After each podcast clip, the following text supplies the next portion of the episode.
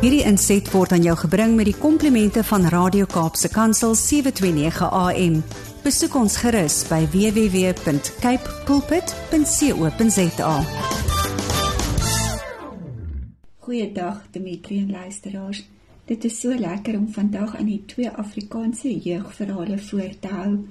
Die eerste een se titel is Om 'n leeu se bek toe te bid deur Jan Vermeulen. Hierdie is 'n geestelike verhaal, pragtig geskryf.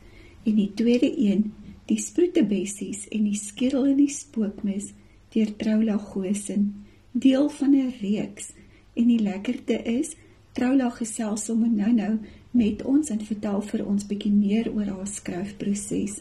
Maar heel eers lees ek die agterblad van Om 'n leeu se bek toe te bid deur Jan Vermeulen. 16ers op 'n vasbyt kerkkamp in die veld, elkeen met hulle eie geheime en vrae oor geloof. Die matriekseun wat hulle lei, vol drome van dominee word, maar sonder studiegeld. Een afgetrede sirkusleeu en die geblikte jagter agter hom aan. 'n Plaas met 'n verlede vol ongeregtigheid, nou deur droogte getuister.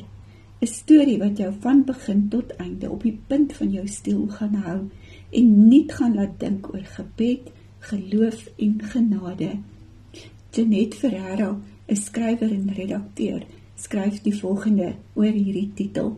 Sprankelende titel, lieflike verhaal, spannend van die openingstoneel af tot op die allereinde, daarby vol spitsvondigheid. En ek kan dit net beamoen. Dis 'n lieflike storie 'n storie wat 'n mens aan die einde daarvan laat goed voel en jy spyt dat die boek klaar is want jy verlang na die karakters. Ek het dit baie geniet. Jan Vermeulen kan skryf. Ek lees sommer die openingsparagrawe van hoofstuk 1. Nero, jou donkiebout is hier. Die son maak al vroeg 'n bakoond van die dorre aarde. Johan dryf buk om deur die omheining van die leeukamp te kyk of hy die maanhaar in die skadu van een van die bosse gewaar. Nero, hy druk die homp rou vleis deur die voeropening. Die kraagmannetjie kruip traag onder 'n bos uit. Sy swart maanhare bewe in die hittige windjie. Hy kom ryk aan die vleis. 'n Frons plooi tussen sy goue stroop oë. Hou sirkusleeu's nie van donkie nie. Nero grom sag. O, okay, jy het mos sirkus donkies vir pelle gehad. Ek kan vir jou van my pa se skaapvleis gaan haal, maar hy sal agterkom as een enkele chop verdwyn en dan sal jy nie meer sy favourite leeu wees nie. Nero se oë sê hy is in elk geval nie meer lus vir die lewe nie. Want wat vir 'n lewe is dit om te weet jy's op jou ou dag alleen in 'n kamp van 300 by 200 meter toegesluit. Johandre sluk aan die knop in sy keel. Die leeu se verslae gees het op vanaf die dag wat hy hier in die kamp afgelaai is, so ontstel dat hy daardie aand met 'n kramp in sy hart nie aan die slaap kon raak nie. Dit was dan om 'n leeu se bek toe te bid deur Jan Vermeulen. Die volgende titel deur Troula Gosen is Die sproetebessies en die skedel en die spookmes. Ek lees die agterblad. Die sproetebessies moet spaar vir 'n reis na Italië en kry vakansiewerk op die luukse gasteplaas Spookkuil. Milan, Andante en Nova het gemengde gevoelens oor hulle verblyf. 'n Boomhuis. Dis boonop gans te naby aan die spookerige kuil wat aan die plaas sy naam gegee het en waaruit daar snags 'n grillerige mis opstyg. Die gaste is ook eksentriek verby. Een van hulle Peter met die eienaar se raar fossielversameling en die sproete bessies moet alweer speeder speel. Maar wie is die geheimsinnige ou wat aan Dante by die keel by die kuil ontmoet en watter raaisel is opgesluit in die sterretjies dagboek wat sy in die ou huis se solder ontdek. In hierdie reeks in die eerste boek is daar ook die sproete bessies en die hart van die swart roos. Hierdie een is mos nou die sproetebessies en die skedel en die spookmis. So dis lekker. 'n Mens leer die karakters ken en dan staan vragies nog 'n boek en nog 'n boek om te lees. Dis te lekker. Ek het hierdie ook vreeslik baie geniet en ek kan my net indink hoe kinders so van 10 tot 14 jaar oud hierdie boek net so lekker sal sal geniet. Ek lees 'n stukkie op bladsy 114. Andante laat sakkie deksel terwyl haar gedagtes soos vlooie rondhop. Sy moet hier uitkom voordat die sluiper haar betrap en dan moet sy by die ander sproetebessies uitkom en hulle alles vertel. Die geheim raak te groot vir haar om alleen te dra. Behoedsaam sluip sy teen die trappe af Maar toe sy by die hoek kom, trap sy amper mis van skrik. Op die steen voor die geheime uitgang na die kelder gloei twee geel oë in die selfoon se lig. Verskrik spring sy terug met haar bewende lyf teen die klipmuur vasgedruk. Wag sy. 'n Minuut tik verby. 2. Dit voel soos ure. Uiteindelik skraap sy moed bymekaar en loer om die hoek. Die oë is weg. Dankie tog maar daar is nog steeds iets op die steen, 'n grys gespikkelde skaduwee. Tot sover dan. Dit is die sproetebessies en die skittel in die spookmis deur Troula Gosen. En Troula vertel dan nou sommer 'n bietjie self oor haar skryfproses. Lekker luister en mooi bly tot volgende week van my kant af. Totsiens.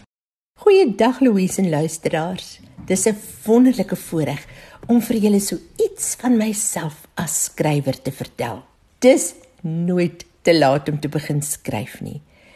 Ek self het die pen eers opgeneem na aftrede. En vandag so 12, 13 jaar later kan ek terugkyk op verskeie stories wat as leesboeke in die skolemark gebruik word. Op kortverhale wat in bundels gepubliseer is en die lekkerste lekker my sewende jeugroman wat pas op die winkelrakke verskyn het, die sproetebessies en die skedel in die spookmis. My heel eerste boek, Spooksoene, het in 2016 'n ATKV woordfeertjie gewen. Daarna het ek onder andere ook 'n reeks historiese jeugromans geskryf. Want vir my is dit belangrik om die jong tienerleser in 'n fantastiese wêreld in te trek om 'n verbeelding te prikkel. En ek geniet dit om stories te skryf vol raaisels, vol spanning, vol speurwerk, vol avontuur. Stories met 'n tikkie liefde en stories met 'n knippie fantasie. En dan veral is dit vir my lekker om te weet dat die jong leser wanneer hy of sy die boek neersit wegstap met inspirasie en hoop vir die toekoms. So as dit die tipe storie is wat die jong leser in jou lewe sal geniet en my stories is so vir jong tieners van 10 tot 14 jaar oud, dan glo ek sal hulle die Sproetebessie reeks baie geniet. Die Sproetebessies is 'n meisiebende. Melan, Andante en Nova.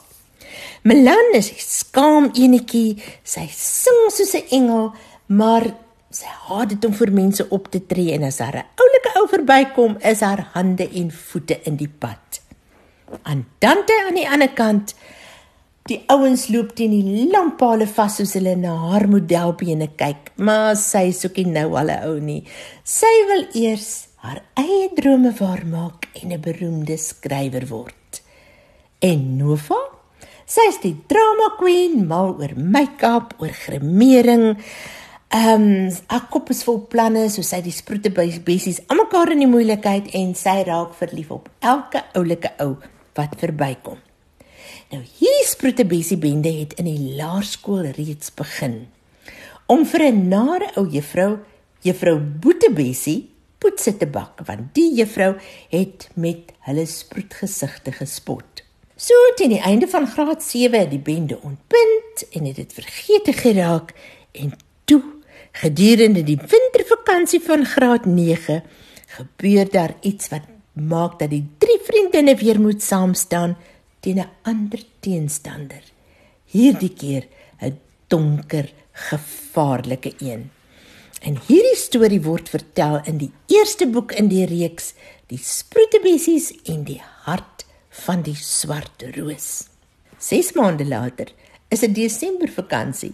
Die sproetebessies gaan do doen vakansiewerk op 'n Karoo plaas en daar word hulle met die misterie van die skedel in die spookmis gekonfronteer. Eintlik wil ek so min as moontlik oor die storie sê, want ek wil baie graag hê dat die lesers met elke bladsy sal wonder wat nou gaan gebeur en teen die einde baie verras sal word. Wat ek wel gaan sê is dat um die Sprutebesie boeke nie op mekaar volg nie. So jy kan dit in enige volgorde lees. Dit is um in elke boek is um al die Sprutebesies natuurlik, maar een van die Sprutebesies speel die hoofrol. In die hart van die swart roos is dit Melan in die skedel in die spookmis is dit Andante en met die volgende derde boek wanneer dit verskyn sal dit Nova wees. En al wat ek hoop is dat julle elke oomblik sal geniet en dat julle die storie baie baie lank daarna nog sal onthou. Hierdie inset was aan jou gebring met die komplimente van Radio Kaapse Kansel 729 AM. Besoek ons gerus by www.cape pulpit.co.za.